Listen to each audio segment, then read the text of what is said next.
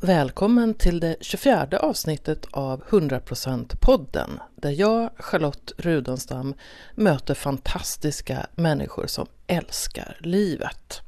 Och i den här veckans avsnitt så kommer du att få möta en person som har varit med där det har hänt i början. Som 16-åring så kom han till USAs västkust och fick se en del av Flower Power. Och som 20-åring så var han vid Dalai Lamas fötter. Han tog med sig olika former av meditation hem till Sverige. Han mötte lärare i hela världen som ung och sen när han kom hem så ville han bjuda fler på detta. Möt Mikael Karlholm, en person som bjuder in människor som Eckart Tolle, Deva Primal och Mitten och Byron Katie till att möta människor här i Sverige. Och en av Mikaels stora drömmar är att ordna en världsmanifestation för kärlek och medvetenhet. Han ser för sig hur vi skulle kunna vara uppkopplade alla tillsammans över nätet och bara skicka en väldig massa kärlek mellan oss och till alla som behöver. Mikael Karlholm är en eftertänksam och närvarande person. För honom är livet verkligen nu. Så i vårt samtal så fanns det många mellanrum. Och en del av dem har jag klippt bort. För att det gör sig inte så himla bra med tystnad i en podcast. Men lite grann bjuder jag ändå in på. Möt en av de tidiga företrädarna för en mer medveten värld. Jag sitter här i slottet tillsammans med Mikael Karlholm. Välkommen hit. Tack snälla. Jag känner mig hedrad. Tack för att jag får vara här. Precis när du kom innanför dörren här så stannade du till inför två porträtt utav två gamla släktingar till mig. Och då berättade du att du i ditt garage har placerat dina gamla släktingar. vad, vad säger det om din relation till din personliga historia? Först skulle jag vilja bara säga tack till alla som lyssnar. Till just du som lyssnar nu. Och bjuda in dig till att eh, bara vila ett ögonblick. Att bara stanna upp och tänka. Bara sluta tänka för bara en bråkdel av en sekund.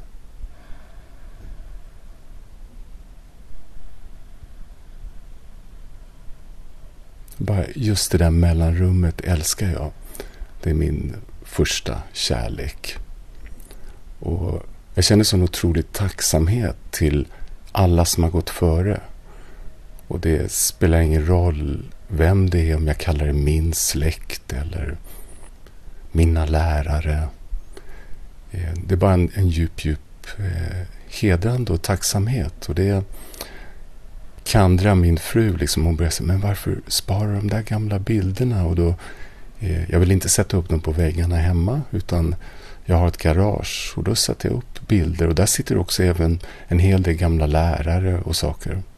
Så när jag kommer in i garaget och ska hämta bil eller hämta verktyg så brukar jag bara titta på dem och sen så på något sätt känna att eh, allting är en, i en utveckling.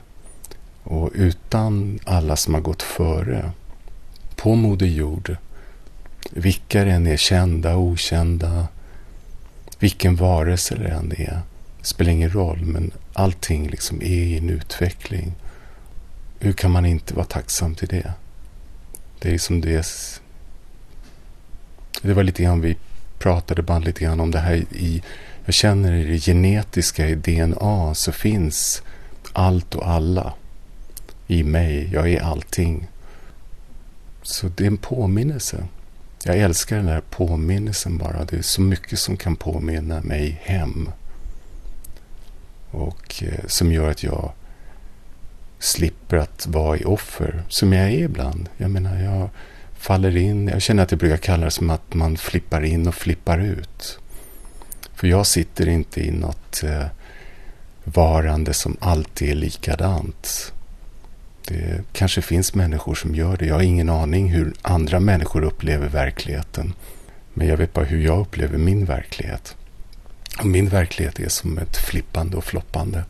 In och ut. Men jag vet också att mitt åtagande, min första kärlek, det är till den här djupa vilan. Jag vet vad som är hemma. Och det är jag så tacksam för. Och vad är hemma? För mig så är det ett ställe där jag känner att jag upplever en kärlekens vänlighet med mig själv och med allting omkring mig. En medkänsla, en delad glädje. Jag kan, jag kan låta mig själv få vara allt som jag är och där, det innefattar allt. Det är liksom vilken etikett jag än skulle sätta på det så får allt vara där. Och det är inte alltid det är så. Men jag är så glad att jag vet när det är och när det inte är. Och det känns som en... Och det är inte alla som har det, liksom, som vet om det. Så jag känner en otrolig medkänsla också med många andra som inte vet om skillnaden, som inte har fått den upplevelsen. Och det känns som att det är mitt åtagande som har eh, i mitt liv. Det är att skapa rum där människor kan få en möjlighet att bara få smaka på det. För att det känns så otroligt viktigt och just eh, det har alltid känts viktigt. Så jag kan inte säga att det, många säger att ja, men det är viktigare nu idag. Jag kan bara se här och nu, här och nu, här och nu. Och jag har alltid känt att det har varit viktigt för mig. Och sen försöka göra det som jag kan göra. Som, och det är, det är väldigt mycket för min egen skull. För att jag älskar det rummet. Hur känner du? Känns det i kroppen eller känns det på något annat sätt när du inte är hemma? Alltså för ofta när man inte är hemma, men när jag känner att jag inte är hemma, då är jag inte ens medveten om det ibland. Jag menar många gånger så sker det bara på autopilot liksom att eh, det här. Men när jag blir medveten i kroppen, då, då känns det, det gör ont. Jag menar det gör fysiskt ont. Och det gör psykiskt ont och emotionellt ont. Jag tycker desto mer känslig, uppkopplad, vad man vill kalla det för man blir, så är det, handlar det väldigt mycket om balans. Jag känner när jag är ur balans. Det är det som blir på något sätt. För balans är, känner jag som ett bra ord. Det är som att jag mer är i mitten på något sätt. I, och eh, i klart seende. Det handlar mycket om att se klart för mig. Och, och då finns det så mycket saker som gör en påminn om det. Jag menar, i, i ens relationer, i, med barnen, med allting. Jag menar, det är hela tiden saker som visar mig när jag är ur balans. Och då finns det ett åtagande att så fort som möjligt komma i alignment. Liksom. Det känns som att det är för mig mycket vad kärlek är. Det är liksom att alignment är ett bra ord, att vara liksom i, i uppkoppling i där det är kärlek är mer en känsla och det andra är mer ett eh, närmare varandets tillstånd känner jag liksom, för mig. Men det är olika begrepp man använder.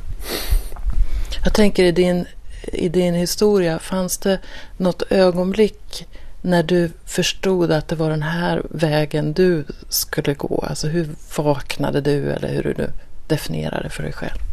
Det är spännande för det är liksom jag, när jag tittar tillbaka i min familj och runt omkring mig så var det inte som jag är medveten om. Av det. Sen så är det liksom man, man får ju överfört saker som är ordlösa. Så när man börjar tro på att det, allting handlar om historia eller vad som har hänt. Utan det känns ju som att vi transmittar, vi överför hela tiden. Det är vad allt och alla gör hela tiden. Vi överför. Så att det har blivit överfört otroligt mycket av kärlek och speciellt från eh, det feminina från min mormor, från min mamma känner jag. Männen har varit mer, det manliga har varit mer varit frånvarande för och de kunde, visste ingenting annat. Det finns liksom inget dömande eller fördömande i det. De gjorde så gott de kunde. Men, men kvinnan och det feminina, de, de har varit där. Jag kommer från en, en judisk mormor, judisk mamma. Liksom, och otroligt tacksam till den kärlek som fördes över. Och sen hade jag bara... Jag kom till USA när jag var 16 år. Jag är ju 63 år nu och det här var 69 och då kom jag in i hela jag kom till Kalifornien, jag kom in i hela musik, eh, du vet, hela den eh, Woodstock-eran och det var, det, det, har varit droger involverat liksom. För den tiden så var det att man provade och röka och LSD och alla. Det finns en historia med massa olika saker. Och jag har inte en massa dömande och fördömande i det, utan det var en tid, jag var inte ens medveten, utan det var någonting som bara hände, som gjordes. Och sen så var det hela den tiden när det blev Indien kom, jag, jag fick en, läste en bok som heter Be Here Now och Ramdas. Jag var i Grekland och jag var 19 år. Och när jag läste den boken så var det bara som att jag ville åka till, han, han pratade om en, en, en eh, guru som heter Nim Karol Baba som han hade då. Och då jag bara kände att jag ska åka till Indien. Så jag liftade till Indien när jag var 20 år. Och landade hos Dalai Lama och studerade med honom i nästan ett år uppe i, det här är 1972. Det gick så djupt. Jag menar, jag kan inte säga att det var medvetet. Jag kan inte säga att jag visste vad jag gjorde. För det är på något sätt som att man känner man, man bara är i ett, eh, ett flöde och det jag kan inte titta tillbaka att det var en viss, men det var någonting, det gick väldigt, väldigt djupt. Och det var också det här med överföring, energiöverföring, att någonstans i vårt hjärta så vet alla, vi vet. Och ibland så träffar vi situationer eller människor. Det kan vara smärtsamt eller vad som helst. Det kan se ut på så många olika sätt. Och då överförs någonting. Någonting vaknar som vi är. Så att det... Och där hände någonting. Liksom det var någonting. Det var just den här att jag kände en enhet. Jag kände att jag är allt och alla och Moder Jord. Allting finns i mig. Och också den här bönen som finns i, i tibetansk buddhism av att eh, jag vill inte, inte att jag inte vill vakna upp, men jag vill inte bli helt fri eller lämna det här utan att alla andra vaknar upp. Det finns en, en känsla att må, alla varelser vakna upp till sin sanna natur och må alla varelser bli lyckliga, må alla varelser bli fria. Och den har funnits med mig. Den har inte förändrats någonting. Den känns som att den, den bönen och den intentionen blev så djupt förankrad i djupaste stället i min själ. Och den lever vidare med mig. Och sen självklart så, så finns den starkare och mindre starkt. Och ibland så är det bara överlevnad för mig själv och alltihopa. Men någonstans bakom så finns den. Eh, och att vilja serva den, för jag vet att jag servar mig själv i det också.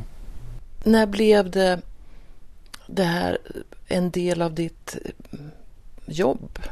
Det känns som att den redan fanns innan. Alltså jag kommer ifrån en familj som alltid hade stora fester.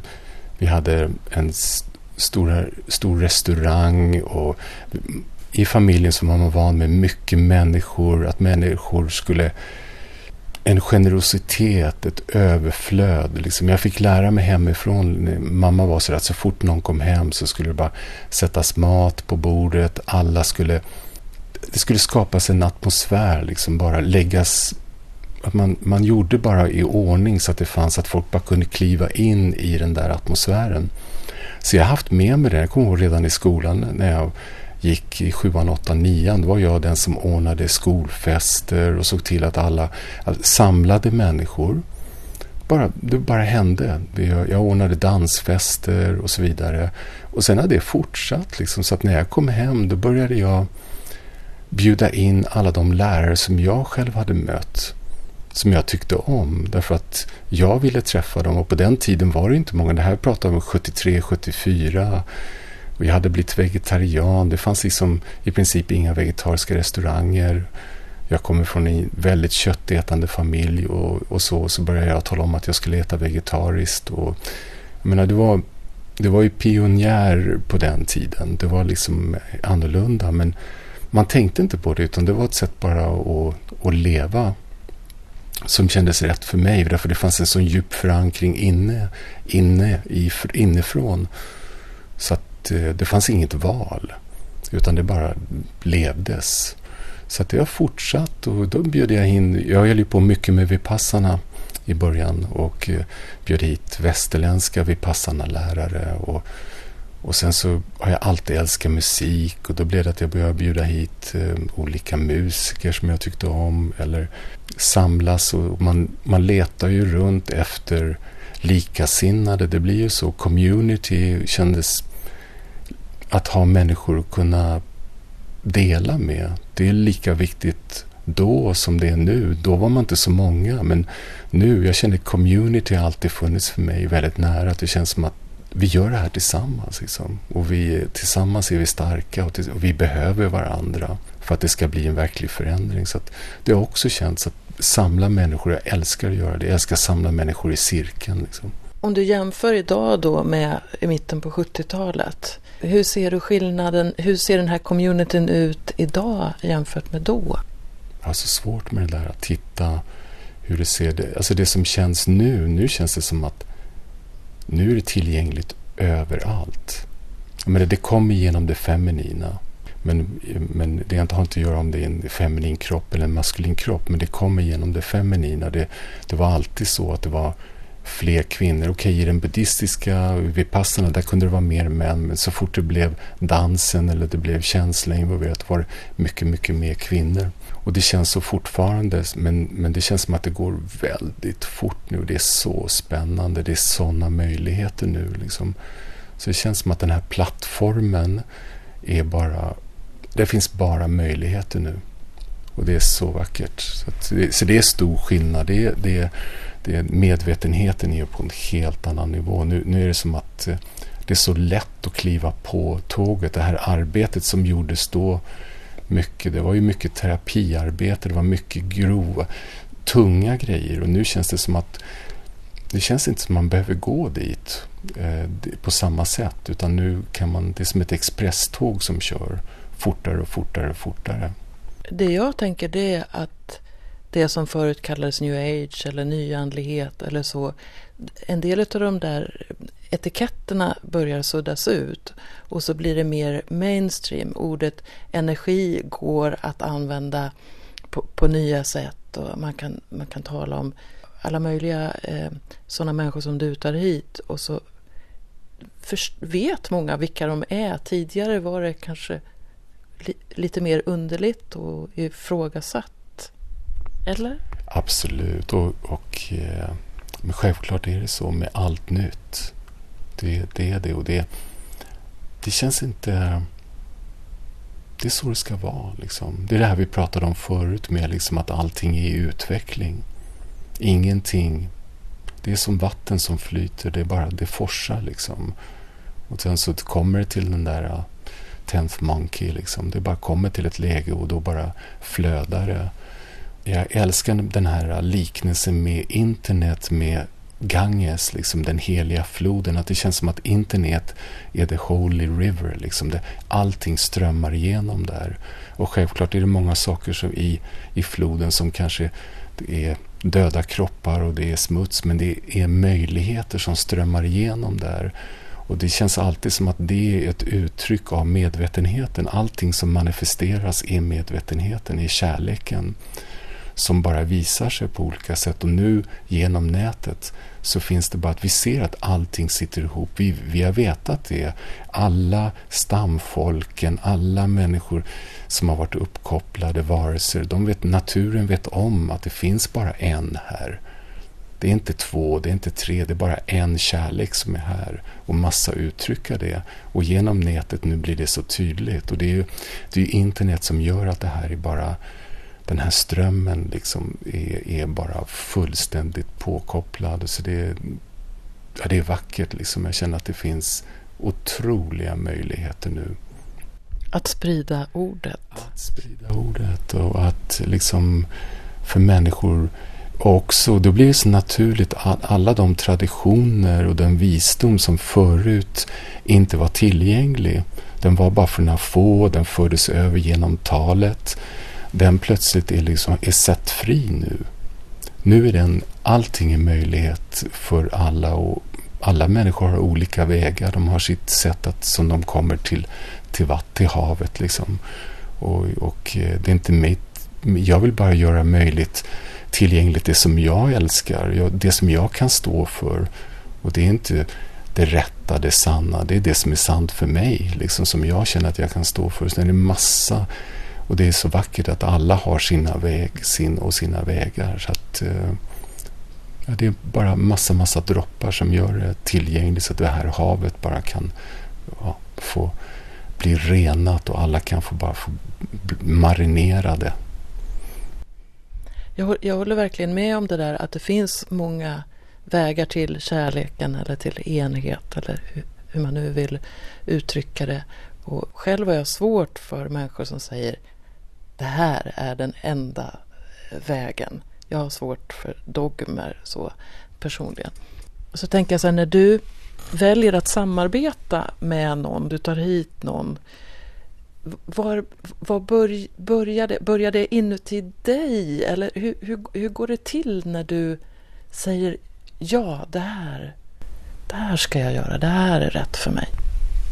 Ja, men det har varit mycket så att eh, de människor som jag bjudit in, de har betytt mycket i mitt eget liv det har blivit antingen att jag har läst en bok eller jag kommer ihåg historien med Byron Katie som jag, jag 98 och jag var i en relation och jag har lämnat och blivit lämnad förut och så ibland så är det bara som att någonting händer, triggar igång någonting och man kan aldrig veta varför det händer just då. Men då var det en kvinna som eh, lämnade mig för en annan och plötsligt så var det som att bara falla i ett stort svart hål. Jag försökte desperat med naglarna hålla fast men det gick inte. Jag bara föll och föll och föll och föll och det var inget slut. Och satt och grät hemma på julen med alla familj och släkt. Ingen förstod och jag var helt, liksom bara så sårbar och så, som ett stort öppet sår.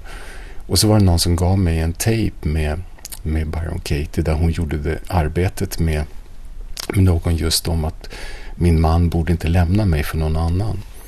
Och det var liksom, jag, jag hörde den och, och sen gick direkt kollade och såg att nästa dag skulle hon vara i Amsterdam och då bara hoppade jag, körde direkt till flygplatsen, hoppade på ett flyg, kom in i hallen och precis då så frågade Kate, det var kanske 800 000 pers i den där stora hallen, och så frågade hon om vem vill göra arbetet? Och jag bara skrek I want to do the work. Och sprang fram mot henne. Liksom, va?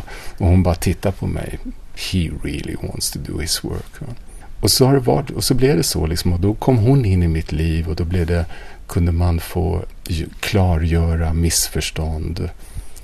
Och sen så blir det att jag kommer hem, men då vill jag dela det arbetet. Och Eckart Tolle, då jag var i USA och Katie gav mig The Power of Now för den kom ut då, så här vid 99. Och då kände jag att den här boken måste jag ge till alla människor. Så jag bara köpte hundra kopior. Och jag har alltid varit sådär att när jag tyckte om någonting då ville jag bara dela det med alla andra. Och det spelar ingen roll om det är musik, om det är Mitendo Deva Primal, liksom, det är 20 år nu och Krishna Das och alla sådana här människor som jag... Det finns så otaligt mycket människor som jag har träffat på min väg under över 40 år. Och sen så har jag bara jag vill att dela med mig det. Sen naturligt, jag tror att det är en är vår natur. Att om det är någonting som berör oss så vill vi gärna dela det med andra. Och jag har haft en möjlighet att kunna få dela det med många. Men det är inte skillnad om man delar det med en eller om man delar det med hundra eller delar det med tusen. Det är liksom, spelar ingen roll. Det är, det är en överföring. Vi bara för vidare. Och lika mycket för min egen skull. Därför att liksom utan att man får finna sitt samband med andra och dela. Vi, vi händer i relation allting är ett relaterande. Och det är liksom, det är så det fungerar, känner jag att livet är. Att, få, att bara få möjligheten att dela med sig är gåvan. Lika mycket som den som får det, men det är minst lika mycket till den som får möjligheten att dela. Så man kallar sig lärare eller den som lyssnar spelar ingen roll. Är det som att vi har lite olika uppgifter? Absolut. Och, och även... Och sen känner jag att man är olika, men ibland är man i en lärarroll för man möter människor som kanske inte har samma. Och en annan gång så är man i en... Så jag tror att det där är... Alla har olika roller i olika, med olika människor och i samband med olika saker. Man, man har inte bara en roll. Liksom. Det finns o, så mycket möjligheter, det är bara möjligheter. Oändliga möjligheter. V vad är livet för dig?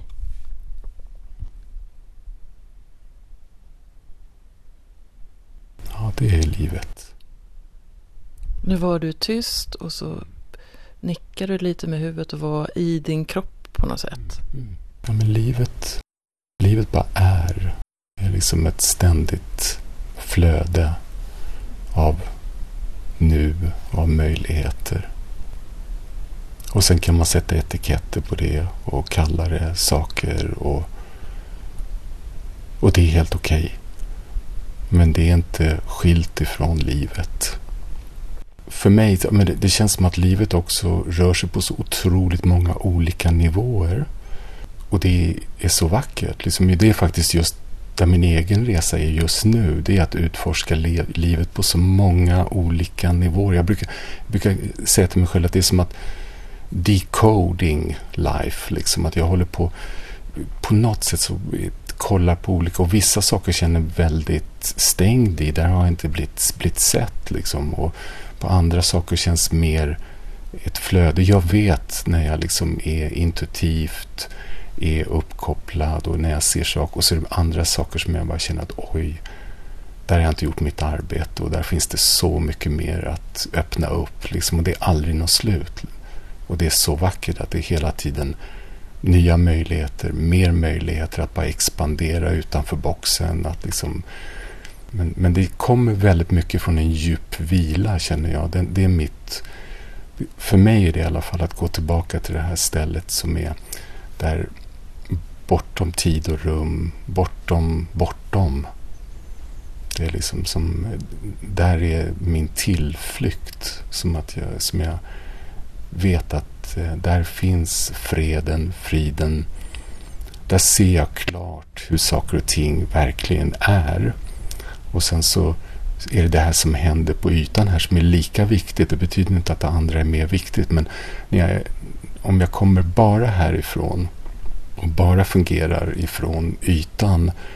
Då blir det väldigt mycket att jag ser problem och att jag ser saker och ting som någonting som är mot mig. Att det är ett offer. Att det är ett, eh, tycker mer om, för mig känns det viktigare att komma från ett lösningsorienterat ställe. Att se möjligheter. Och det gör jag inte alltid. Men, men eh, jag försöker påminna mig själv och med hjälp av vänner och saker och ting runt omkring mig. Och sätta mig möjligheter att gå. Det känns som att bara att det kan vara musik, det kan vara naturen, det kan vara... Men det är så många saker som finns som... Det kan bara vara att ta ett kort stund av att sluta tänka. Det är bara känna andningen, komma till kroppen. Ja, det finns bara oändliga möjligheter att återkoppla. Om vi säger att du är livet eller livet är i dig. Och under din långa resa då så hör jag ju att det finns ganska många element av meditation i det. Att hitta hem till dig. Det är min tolkning i alla fall. Och då funderar jag på så här att kan det ha varit så här att till en början så behövdes ett ramverk, ett sätt att, meditera för att vara där, men att du kanske kan vara friare, att du kan var livet även utan en form att jag måste meditera på det här sättet eller jag måste göra så här. Absolut, jag menar, och jag tror att det där är olika tillfällen och olika. Det är så skönt när man kan sätta sig själv fri på det sättet. Ibland så behövs det, ibland behövs det inte.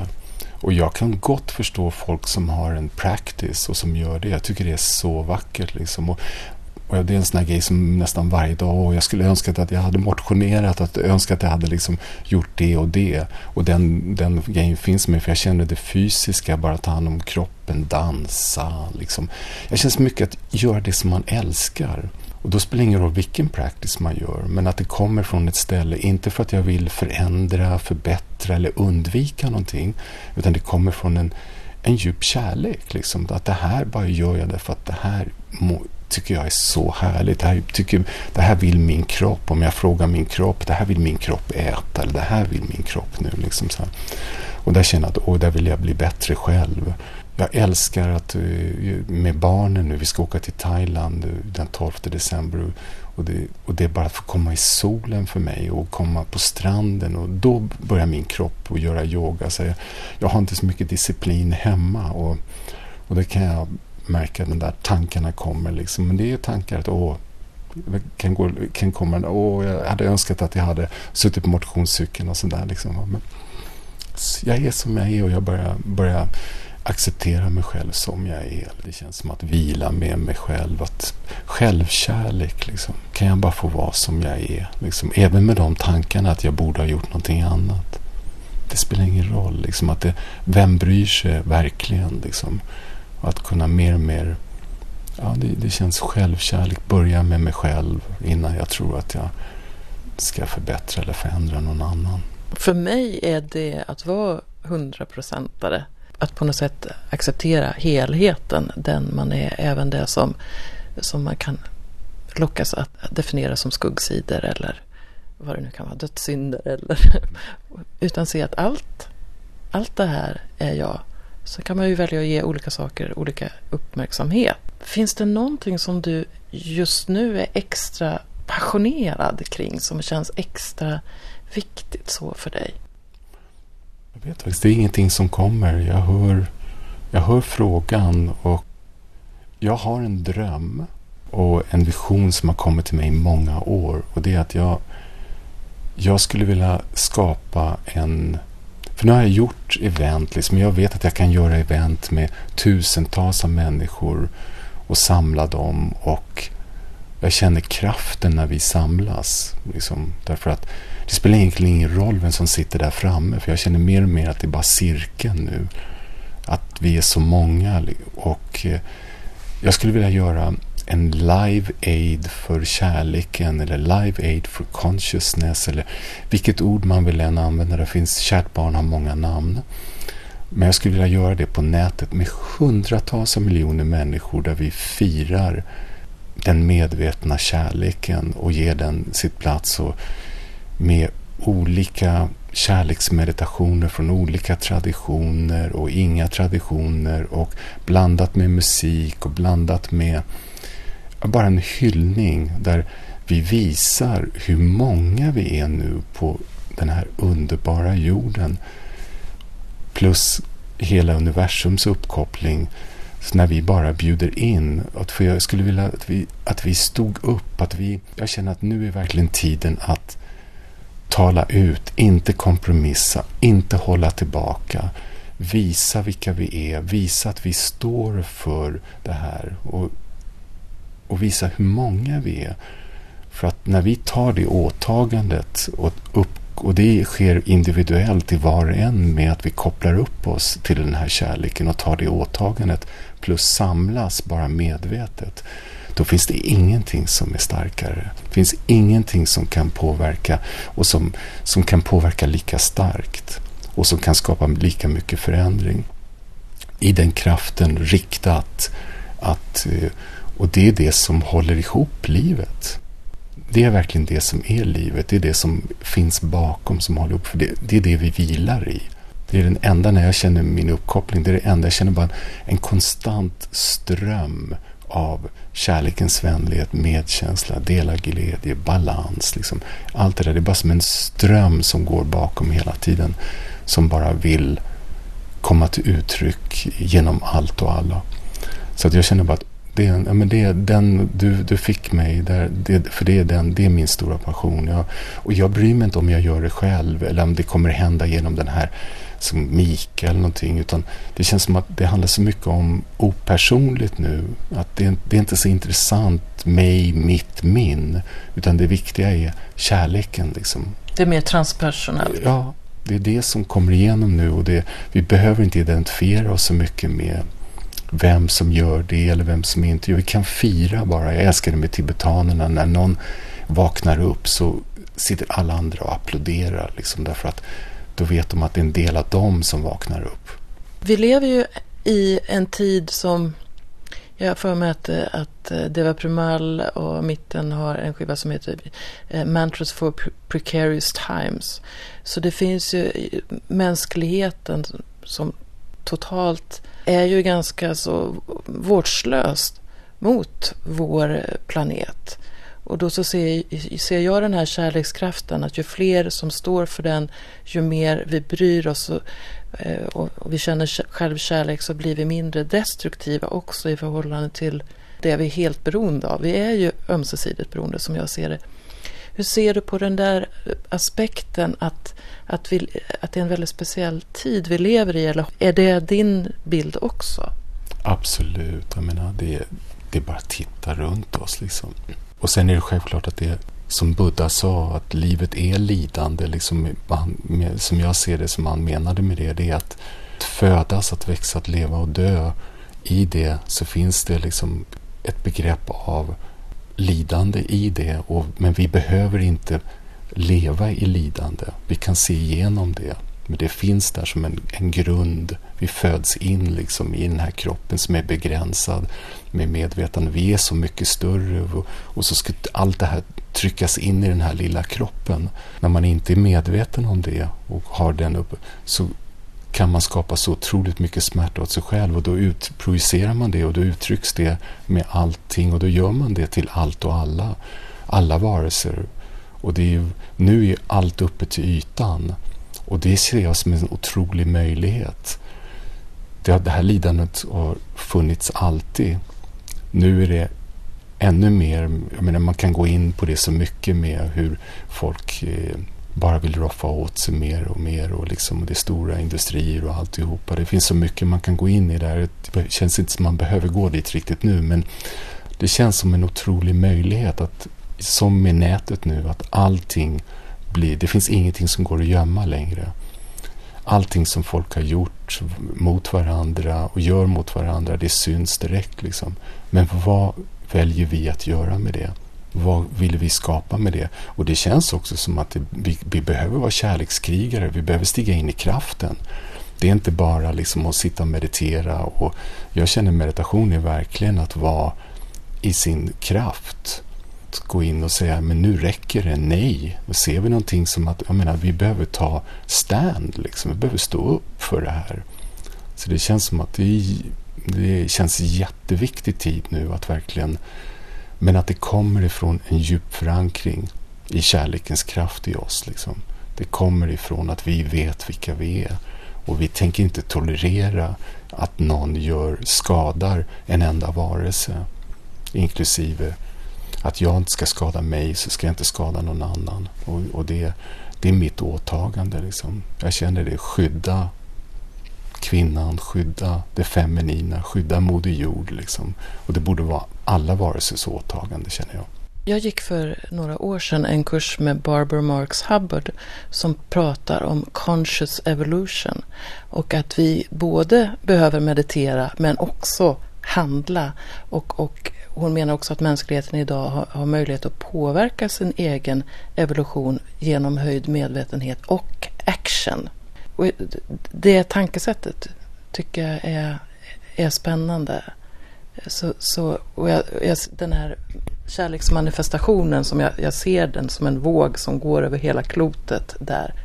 Det är ju ett sätt att både vara och göra samtidigt. Så jag, jag tror att det är tid för call to action på något sätt. Jag gillar det. Jag håller helt med dig där. Det är liksom be the peace, be the change och be still. Om vi tänker oss att, att någon som lyssnar på det här och som, som inte, inte har kommit hem eller som, som blir brydd av att höra vad vi pratar om. Om du skulle ge någon liten övning eller tanke eller någonting som skulle kunna vara en enkel startpunkt för resan hem.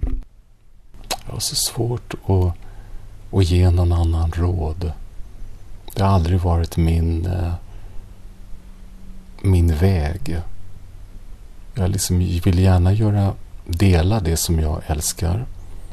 Men jag lämnar det väldigt fritt till var och en. Men självklart liksom att bara lita på dig liksom och behöver du se till att inte stanna ensam om du känner dig ensam utan det finns vänner. Det finns så otroligt många som är likasinnade och som tänker och tycker som du. Att vi, vi är inte ensamma, du, du är inte undlig. Det är inte konstigt det som händer i dig och att du känner att det finns mer, att du vill mer med ditt liv och mer med dig. Liksom. Och sen känner jag att jag, jag älskar andningen och kroppen. Jag känner att andningen är min bästa kompis. Andningen är som en, en bro mellan kropp och själ eller kropp och medvetande. Och den finns alltid med oss och väntar alltid bara på att bli mött.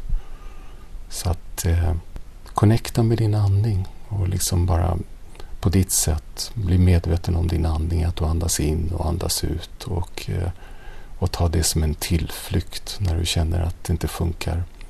Och sen sök dig till likasinnandet. Se till att, att eh, jag känner att vi, det, det här tiden av gemenskap att inte stanna ensam. utan att det, det, Och även kom gärna om det är att människor samlas. Jag känner att en sak är att man kan möta folk på nätet men det är någonting som händer också när man träffas i rummet med varandra. Det är väldigt, jag älskar ju det. Jag älskar att mötas med många vänner. Jag, jag känner till exempel eh, även bara när jag ordnar konsert med Tenno Deva Primal eller med Eckart Tolle eller Kate. Eller, och det spelar ingen roll om man möts två eller fyra eller tio eller hundra. Men bara när vi möts två stycken eller fler så händer det någonting i det där mötet. Och, och det, är, det är som att den här, det blir överfört, eh, den här närvarons kraft. Som jag bara är. Jag bara känner att det är vad vi är. Den här närvarons kraft är, är, är vår sanna natur. Det är min upplevelse av det. Och, men välkommen, välkommen hem.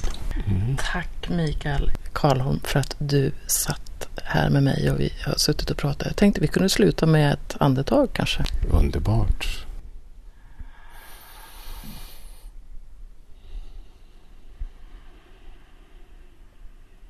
Ja, jag sitter här i slottet med Mikael Karlholm och fascineras över vilka människor han möter och som han sen vidareförmedlar kontakten med till fler.